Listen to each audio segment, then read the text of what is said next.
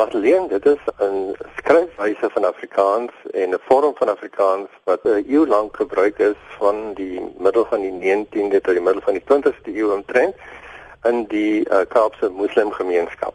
Dit klink vir my na 'n teenstrydigheid aan die een kant Afrikaans en aan die ander kant Arabies. Wat is dit nou? Is dit 'n mengsel van die twee?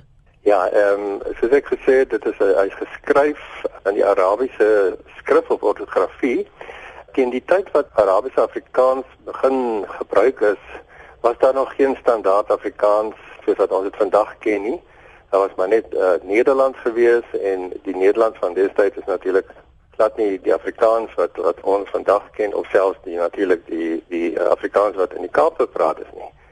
Maar ehm um, veral die moslimgemeenskap in die Kaap het behoefte gehad aan 'n skrif skryfvorm van Afrikaans om ook as 'n handleiding te dien om om handleidings te skryf en te publiseer vir instruksie, jy weet 'n opleiding in in die uh in die godsdienstige aspekte van uh jy weet van hulle gemeenskap en ander woorde in die onderrig van Islam. En uh hulle was geletterd in Arabies, jy weet die, die slawe destyds wat van uit um, die Indonesiese argipel na Suid-Afrika gekom het was geletterde mense wat veral die Arabiese vorm van Malays wat genoem is Jawi JAWI beheer het en hulle kon daardie spelvorm gebruik en hulle het dit aangepas om by die uitspraak van Afrikaans aan te pas en op die wyse het Arabiese Afrikaans ontstaan.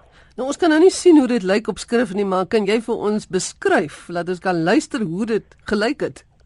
Ja, kyk ek moet moet vir jou sê daar is 'n uh, daar's baie belangrike en amper onverzoenbare verskille soms tussen die klanke van Arabies en die klanke van Afrikaans. Ek kan miskien net vir jou laat luister hoe klink Arabies wanneer dit uitgespreek word dan sal uh, jy weet die woord vir prokureur byvoorbeeld in Arabies uh, klink soos volg. Mohammed, Mohammed. Jy weet in 'n hele uh, Arabiese sinnetjie waarin daar uh, die, die woord voorkom sou byvoorbeeld so klink. Al-Muhami jama'a kull al-wasa'iq. Woorde soos se en ko wat agter in die mond uitgespreek word. So daar is groot verskille tussen Arabies en Afrikaans. En die uh imams wat uh, by die madrassas of die die godsdienstige skole van van uh, wat verbonde was aan die moskeeë uh, die Afrikaans moes skryf en Arabiese skryf moes sekere aanpassings maak. En uh, daar is byvoorbeeld baie vokaalklanke wat in Afrikaans bestaan soos uh, byvoorbeeld 'n diftong wat glad nie in Arabies voorkom nie.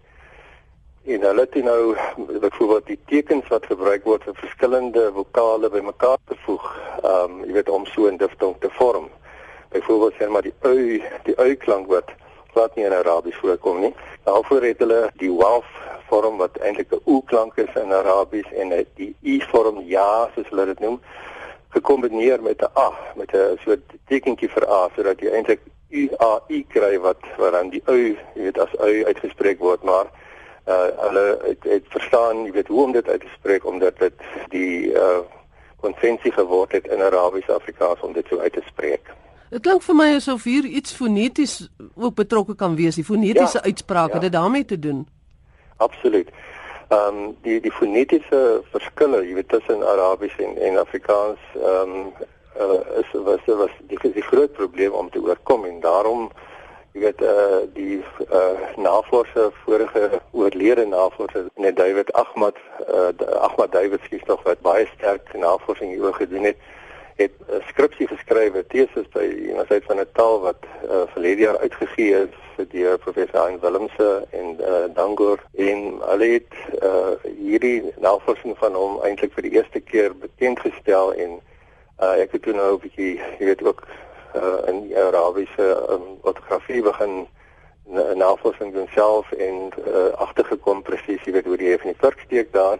Maar wat baie interessant is, dat dat Afrikaans nie die enigste taal is wat op hierdie wyse van die Arabiese ortografie gebruik gemaak word. Uh, hulle praat van sulke tale as Ajami tale.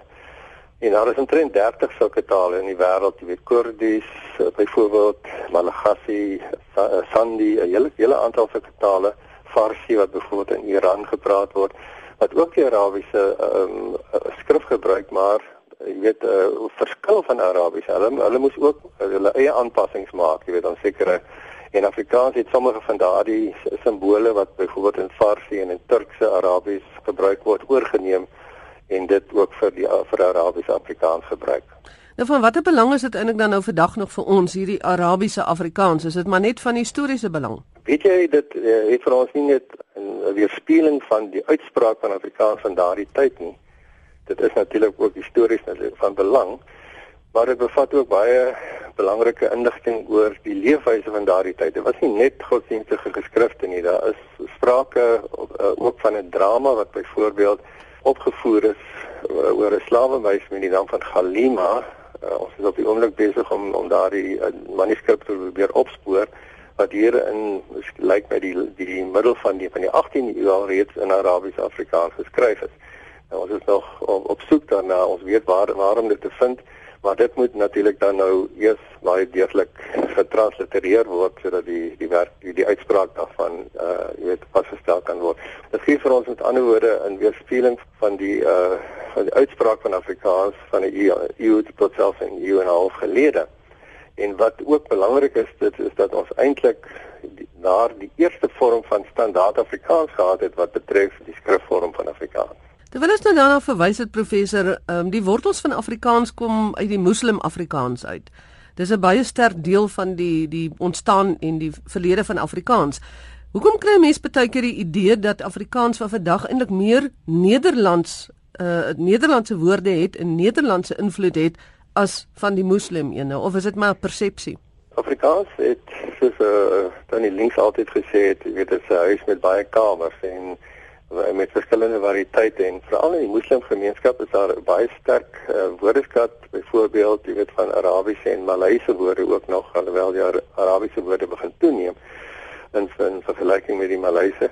En jy weet die die die wortels van die taal dink ek uh, lê nie net is nie net geleë in die mense in die uh, die vorm van tale wat jy weet van sprekers van tale wat van elders kom nie. Daar is so 'n baie interessante teorie uh, dat eintlik uh, baie duisende werknemers van die VOC destyds blootstelling gehad het aan oosterse of soos uh, my oud kollega Korderuiter gesê het oseaniese in Nederland wat hulle aangeleer het in die, in die ooste in in die Indonesiese argipel en waar in Batavië en so voort.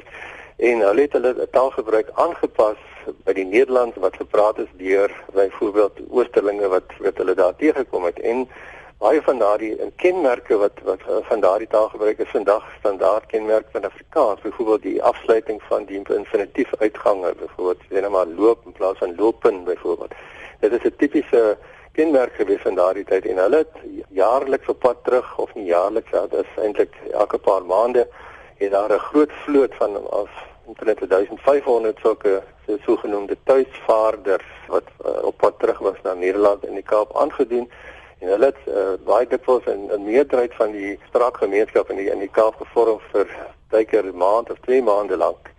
En hulle het, het ook met die slawe natuurlik gesels in 'n taal wat hulle altyd kon uh, verstaan, 'n vorm van Nederlands wat vir hulle altyd uh jy weet maklik verstaanbaar was. En ek, ek dink dit is 'n samewerking tussen Nederlanders wat hulle eie taalgebruik aangepas het by die by die tale van die ooste en van slawe byvoorbeeld wat wat Nederland gepraat het aan die Kaap En daarom is daar nog weet 'n baie groot komponent Nederlands by betrokke, maar die vorm van die taal en die uitspraak van die taal is in 'n groot mate beïnvloed dink ek deur oertale kan ons sê die die brontale van die moslimslawe van die Kaap.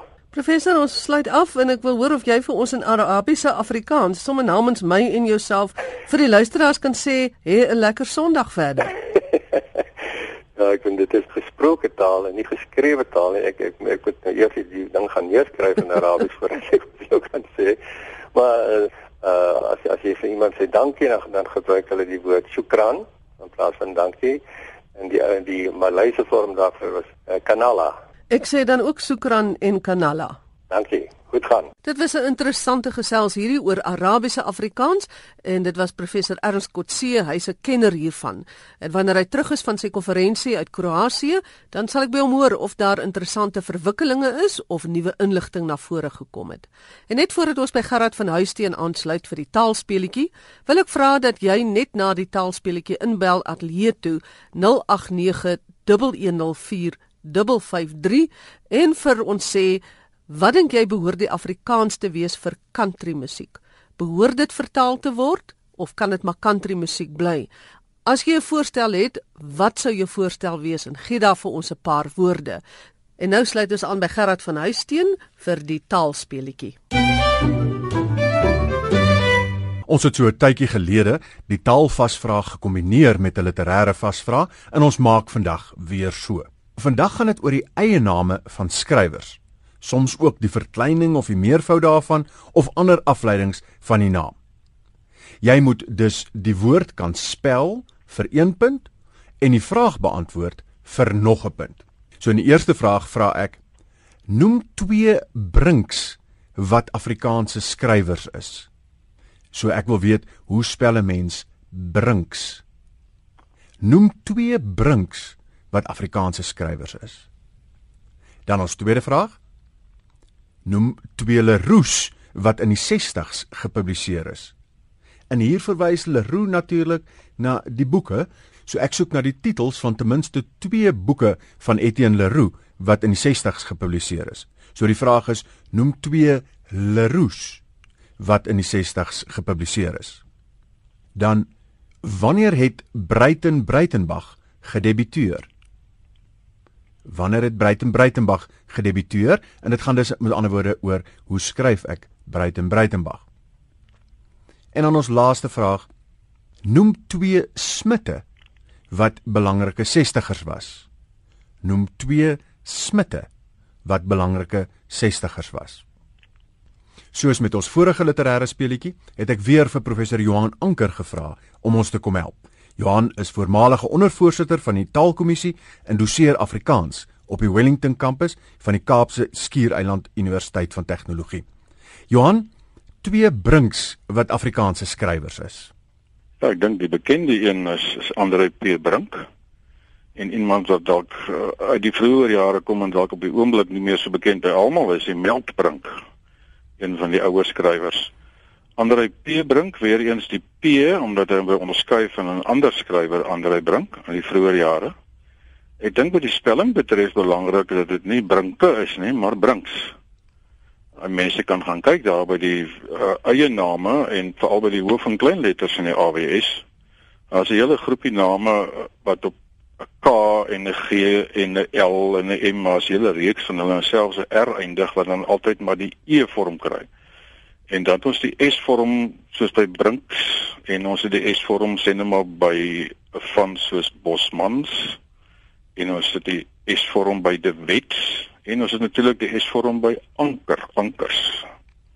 Die ankers moet mense nou nie verwar met die groot wynvate nie. Ankers is hier meer dink ek daarom die ding wat by 'n skip gebruik. En dan twee Leroux wat in die 60's gepubliseer is? Jy neem twee Leroux die boeke nou spesifiek. Uh dink die bekende sewe dae by die Silversteins. In 1962 reeds, een vir Azazel wat natuurlik daarop volg. 1964 en dan weer 2 jaar later die derde oog ook bekend geword later 1844 en 1967 en dan ISIS ISIS ISIS in 1969 baie produktiwiteit vir Etienne Leroux. Um, belangrik hier dat daardie Leroux is doodgewoon vasgeskryf en nie los nie. Sy skrywers van was vas. En as 'n mens nou daar wil 'n verkleiningsvorm bysit soos Leroux Key en jy wil 'n meervoudsvorm aansit, is belangrik dat daar nie afkappings is nie. Mense dink dikwels jy moet die afkappings S gebruik omdat die X nie uitgespreek word nie. Maar in Afrikaans gebeur dit net na 'n onuitgespreekte R of S. Met ander woorde, as iets eindig op silje RS en dit word nie uitgespreek nie, dan het ons 'n afkappings meervoud of 'n afkappingsverkleining.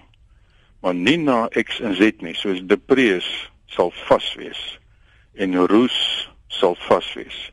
En dit is in terme van reël 13.28, nee. Dis 1328, ja. Hy is aan die middel van die van die AWS. Goed, en dan kom ons by Breiten Breitenbach. Nou, wanneer skryf ons dit hoofletters en wanneer skryf ons kleinletters? By die titel, as ons nou dink aan wanneer Breiten Breitenbach gedebuteer het, die titel van daardie boek is Die uisterkoei moet sweet. En dit was reeds in 1964.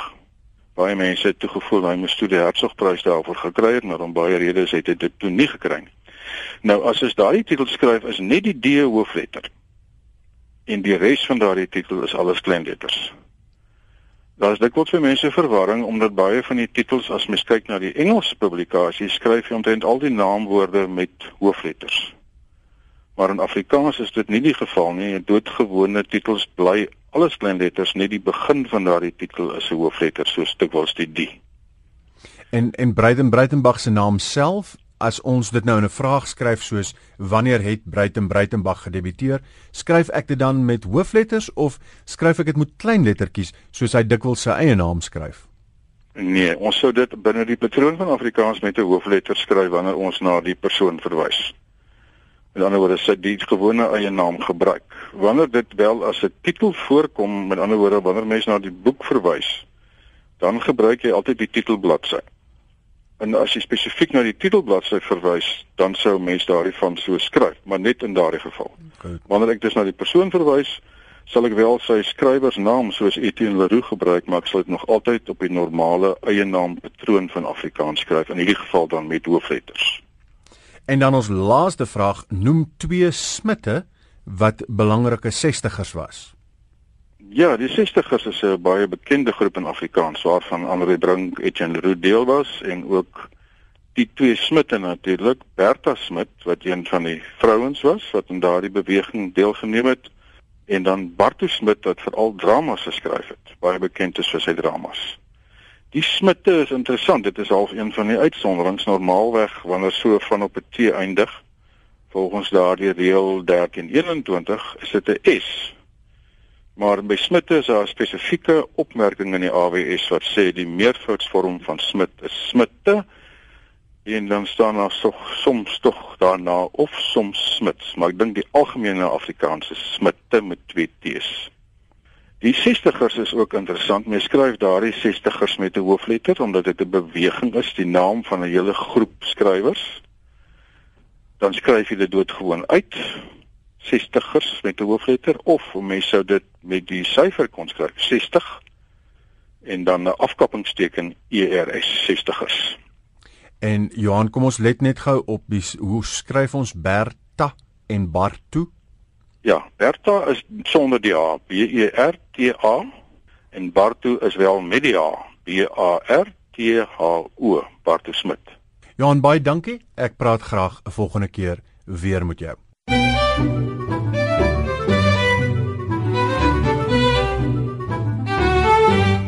En so is ons storie amper klaar vir die dag, maar jy moet nog onthou om in te bel net hierna en so 'n paar voorstelle te gee vir country musiek. Moet ons dit vir Afrikaans?